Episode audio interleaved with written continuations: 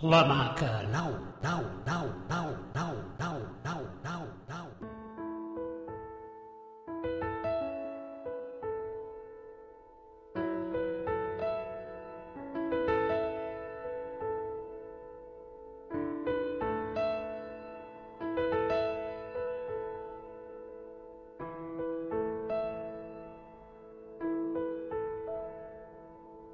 De tots és prou coneguda la màquina del temps, aquella que és capaç de portar-nos enrere o endavant del temps en què vivim.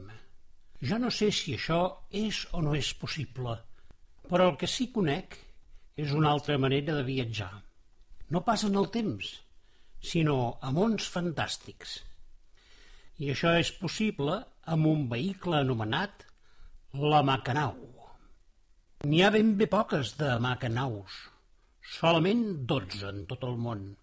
La Bruna va descobrir que la seva maca era una Macanau un dia que estava molt i molt enfadada. Estava tan enfadada que no va voler esmorzar amb els pares. Quan la Bruna s'enfada s'amaga en un racó i no vol que ningú la molesti. Aquell matí, però, va triar la seva maca per amagar-se. S'hi va estirar, va plegar la roba damunt seu, que semblava talment un capoll de seda, i es va quedar molt i molt quieta perquè els seus pares no la trobessin. De cop i volta, aquell capoll que havia fet amb la maca va començar a giravoltar molt i molt i molt de pressa. La Bruna, espantada, va provar d'obrir l'embolcall, però quan més ho intentava, més de pressa giravoltava. Finalment, la maca es va aturar.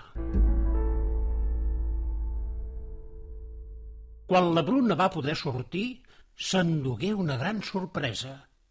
Aquell indret no era pas el jardí de casa seva. Semblava més aviat una fàbrica o un magatzem amb prestatgeries molt altes i plenes de tubs de cartró.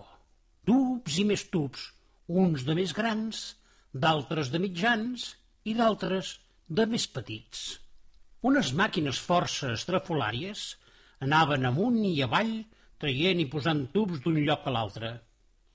Era un magatzem força curiós i molt bonic, molt net i ple de colors perquè els tubs de cartró estaven pintats de diferents colors. Però el més curiós era que no hi havia ningú. Només unes màquines que es bellugaven automàticament i sense conductor.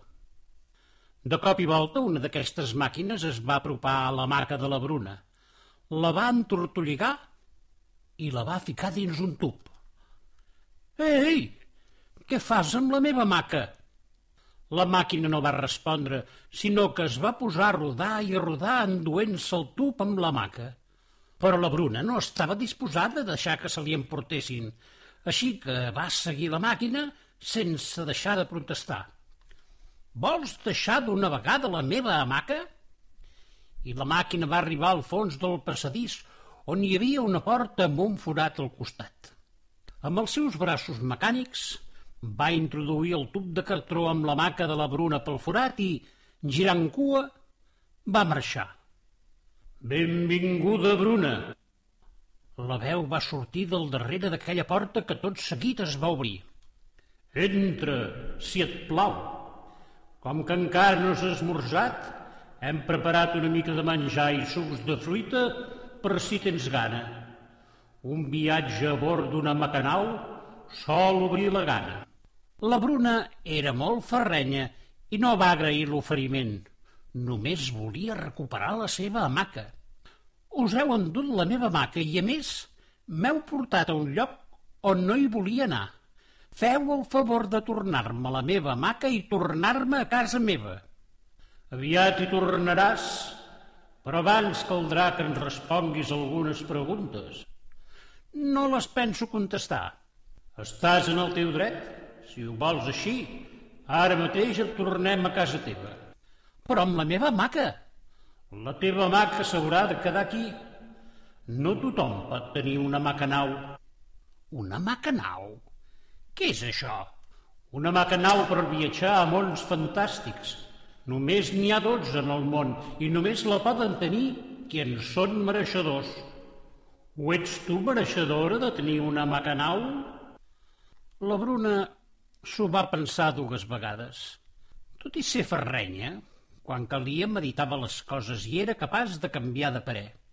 Així és que de primer va esmorzar una mica i amb la panxa plena va considerar que respondre a unes preguntes no li faria cap mal.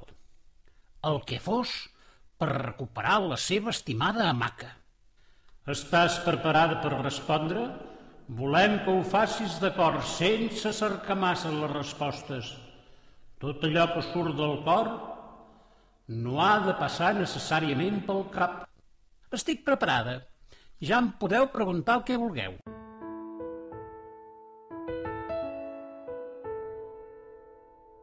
Ara no us puc dir quines van ser les preguntes que li van fer a la Bruna per saber si era o no mereixedora d'una hamaca nau. què no la sé i ningú la sap. Cada nen té les seves preguntes que es guarden com un gran secret. El que sí sé és que les va respondre totes bé i va sortir de l'interrogatori amb el carnet de primera per pilotar una hamaca nau, la seva hamaca nau. La màquina que li havia agafat la maca va tornar de nou amb el tub on l'havia ficat i amb els seus braços mecànics la va treure i la va penjar entre dues estanteries enmig del passadís central de la gran nau. Pilot de la macanau B1R2U3N4A5. El seu vehicle està preparat pel viatge Aquí té el casc i les ulleres de pilot. Gràcies, maquinot. Abans de marxar, em podries dir quin lloc és aquest i on m'heu portat? És el gran magatzem de maques, altrament conegut per GMH. Aquí arriben i surten totes les maques que es fan al món i part de l'univers. I fabriqueu hamaques? No, les hamaques les fabriquen artesans de tot el món que ens les envien. I les hamacanaus també? No, les hamacanaus no es fabriquen. Es podria dir que una hamacanau és una anomalia, una cosa insòlita, un atzar. De tant en tant, l'Estel imagina s'acosta a la fàbrica per descansar en una de les nostres hamaques.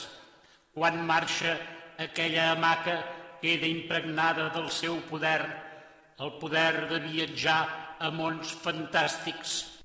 Però m'han dit que només n'hi ha dotze de macanaus. Sí, és cert, ni una més ni una menys. Quan una macanau es destrueix, l'estel, imagina, ens ve a visitar. I com es pot destruir una macanau? Just quan el seu pilot deixa d'imaginar. Aleshores, mai deixaré d'imaginar. I així, resolta a no perdre mai la imaginació, es va estirar a la seva macanau disposada a fer el viatge de tornada a casa. En arribar i sortir del capoll de la roba de la màquina, va mirar en totes direccions i sí, era casa seva.